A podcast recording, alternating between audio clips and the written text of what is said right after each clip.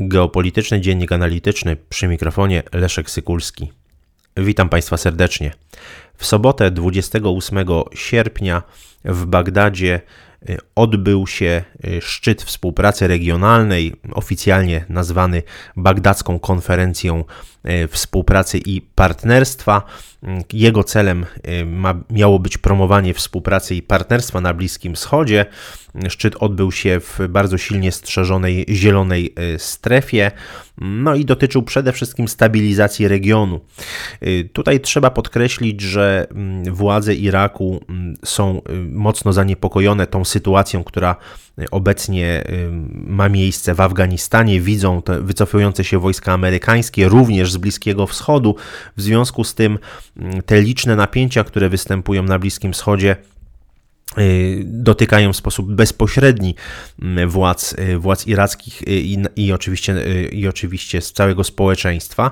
Mm, w tym kontekście bardzo istotne jest to poparcie, którego y, uczestnicy tej konferencji udzielili dla przedterminowych wyborów w Iraku, które mają się odbyć 10 października tego roku.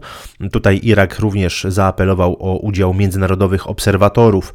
Mm, zresztą y, premier Iraku Mustafa Al-Kadimi, który, którego no można powiedzieć ta konferencja jest, jest wielkim sukcesem dla jego, dla jego rządów, mm, sam podkreślał, że jest obecnie Irak w krytycznym y, i historycznym momencie, no co dosyć dobrze oddaje i nastroje panujące w regionie i w samym, y, i w samym Iraku.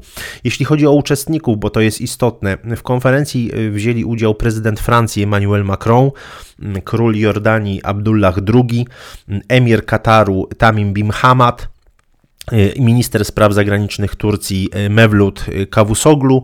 Byli także obecni sekretarz generalny Rady Współpracy Zatoki Perskiej Najef y, Al-Hajraf, wiceprezydent Zjednoczonych Emiratów Arabskich i jednocześnie władca Dubaju Mohammed bin Rashid Al Maktoum, saudyjski minister spraw zagranicznych Faisal bin Farhan i sekretarz generalny Ligi Arabskiej Ahmed Abul Gate.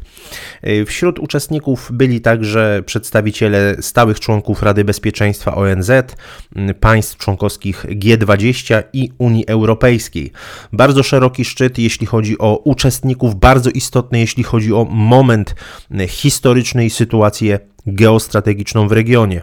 Sukcesem Mustawy Al-Kadimiego jest pojawienie się na tej konferencji ministrów spraw zagranicznych Islamskiej Republiki Iranu i Królestwa Arabii Saudyjskiej. Także warto zaznaczyć, że współorganizatorem tej konferencji mm, była Francja i tutaj rzeczywiście prezydent Macron również mm, postawił się, że tak powiem, w roli mediatora, który chciałby zmniejszyć napięcie regionalne. Natomiast te rzeczywiście napięcia między Arabią Saudyjską a Islamską Republiką Iranu mm, bardzo mocno się y, zaostrzyły, te relacje się pogorszyły po ataku z 2019 roku na saudyjskie zakłady naftowe. Na krótko została zresztą zablokowana produkcja, y, połowa produkcji saudyjskiej, saudyjskiej ropy naftowej. Mm, wtedy Riyad obwinił y, właśnie Teheran za, mm, za ten atak.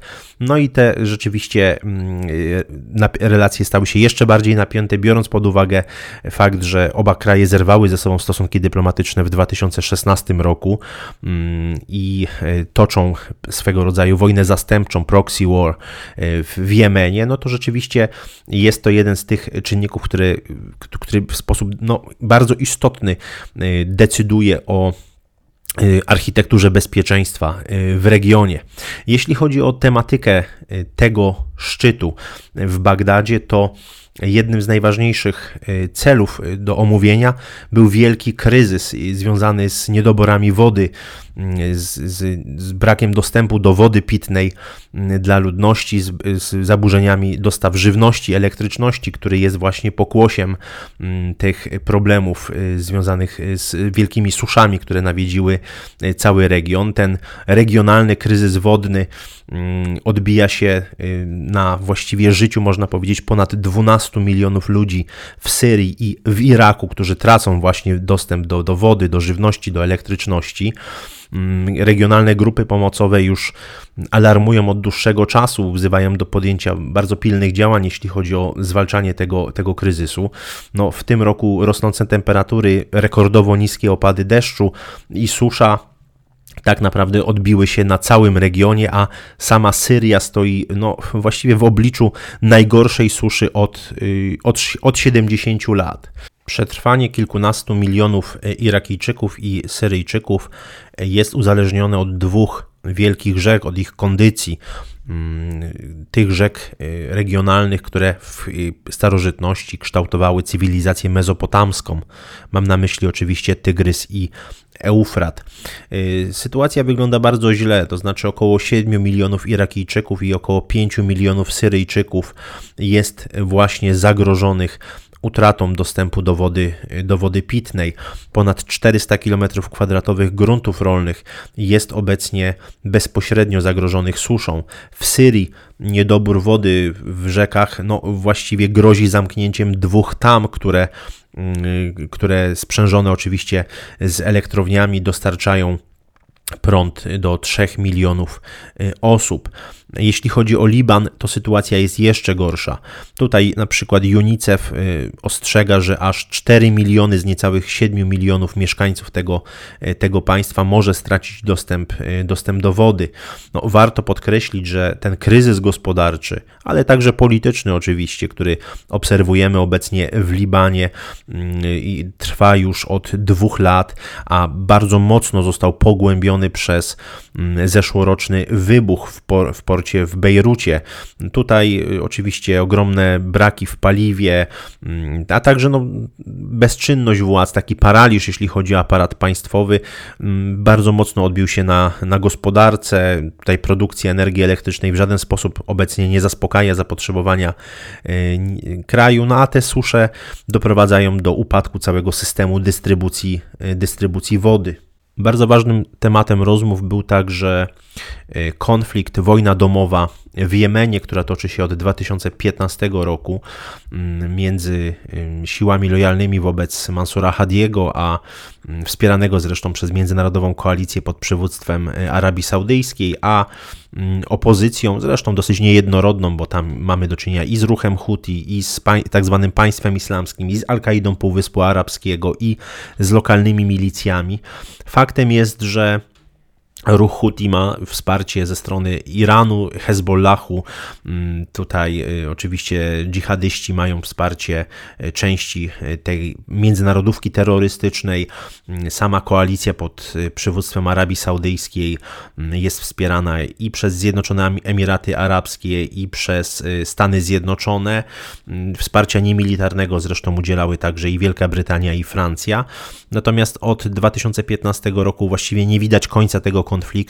Y, on spowodował no, jedną z największych katastrof humanitarnych w XXI wieku. Ponad 3 miliony mieszkańców musiało opuścić swoje, y, swoje miejsce zamieszkania. Jest ogromna epidemia cholery. No, jest to wielki kryzys, który, y, którego skutki już obserwujemy w całym regionie. To nie tylko kwestia Półwyspu Arabskiego, ale to właściwie oddziałuje na całą architekturę bezpieczeństwa w regionie. Niedobór wody, o którym mm, tutaj mówię, który był no jednym z takich centralnych tematów bagdackiej konferencji, może także mm, uderzyć w sposób bardzo istotny e, w stabilność Islamskiej Republiki Iranu. Właściwie od 2018 roku liczni eksperci mm, ostrzegają, że braki wody mogą doprowadzić do migracji nawet kilku milionów osób w samym Iranie. E, ten z kolei kryzys klimatyczny no, może skutkować tak zwanym uchodźstwem klimatycznym, migracjami klimatycznymi. Mówi się tutaj o nawet kilku milionach mieszkańców Bliskiego Wschodu i Afryki Północnej, obszaru Magrebu, które mogą właśnie być skazane na, y, na migrację klimatyczną. Tutaj y, warto przywołać chociażby raport Banku Światowego z 2014 roku. No i y, to oczywiście ta migracja klimatyczna nie jest oczywiście oczywiście tylko i wyłącznie zjawiskiem związanym z, z regionem właśnie Bliskiego Wschodu czy Magrebu. Warto wspomnieć także o Sahelu, któremu poświęcałem osobny odcinek w kontekście zagrożenia terrorystycznego, ale przecież także wspominałem o tym pustynnieniu tego, tego regionu, a warto wspomnieć, że to będzie stanowiło bardzo istotne ryzyko dla około 135 milionów mieszkańców tego regionu.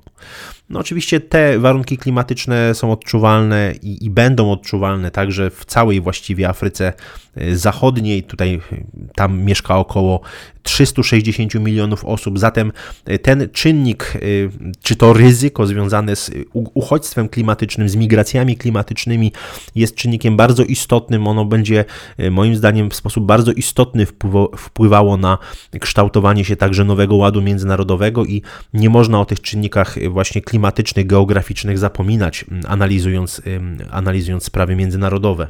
Konferencja w Bagdadzie w założeniu Mustafa al-Kadimiego, premiera Iraku, miała przywrócić temu państwu kluczową rolę e, w regionie. Obecne władze w Bagdadzie doskonale zdają sobie sprawę, że proces wycofywania się Stanów Zjednoczonych z wysuniętej obecności na obszarze Eurazji będzie skutkował, no można powiedzieć, tworzeniem takich szarych stref bezpieczeństwa. No oczywiście Afganistan jest tego modelowym przykładem, ale sytuacja w Iraku jest bardzo, ale to bardzo daleka od e, stabilności.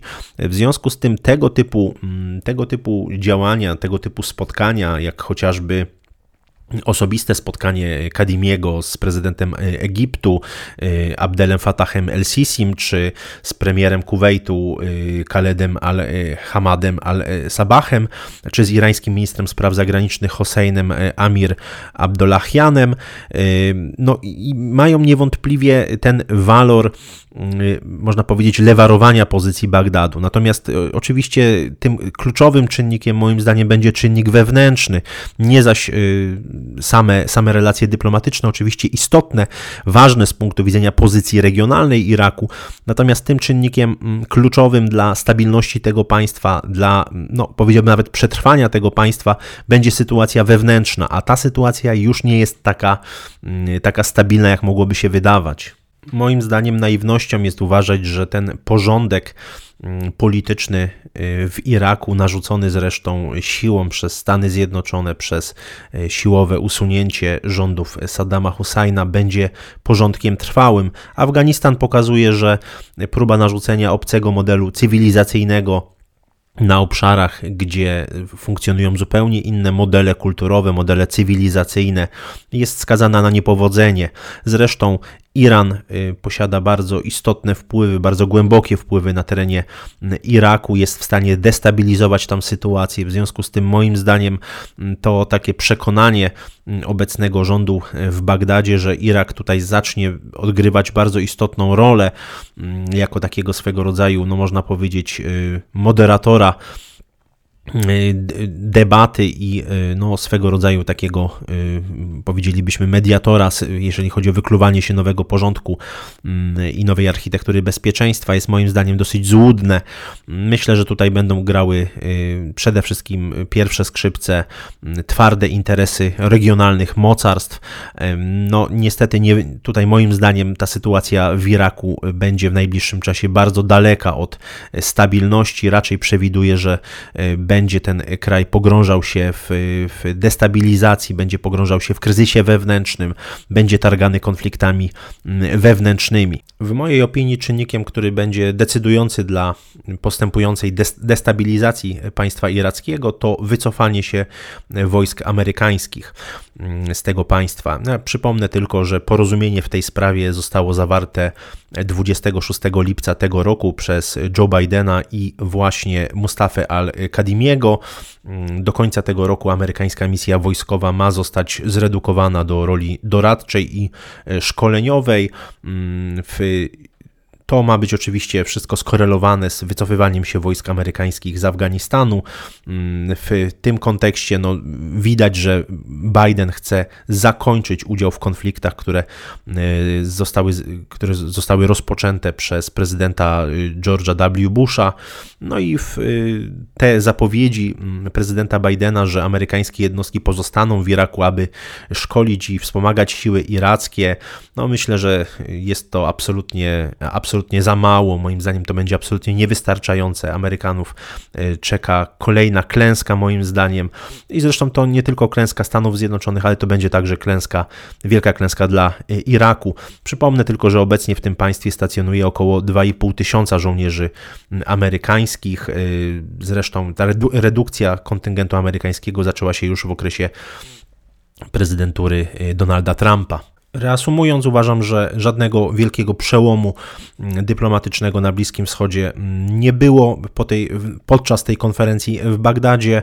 Mm, tym czynnikiem, który będzie decydujący moim zdaniem, jeśli chodzi o kwestię e, stabilności w regionie, to, to będzie wycofywanie się kontyngentu amerykańskiego e, z Iraku oraz wzrastające napięcia między Izraelem a e, Iranem.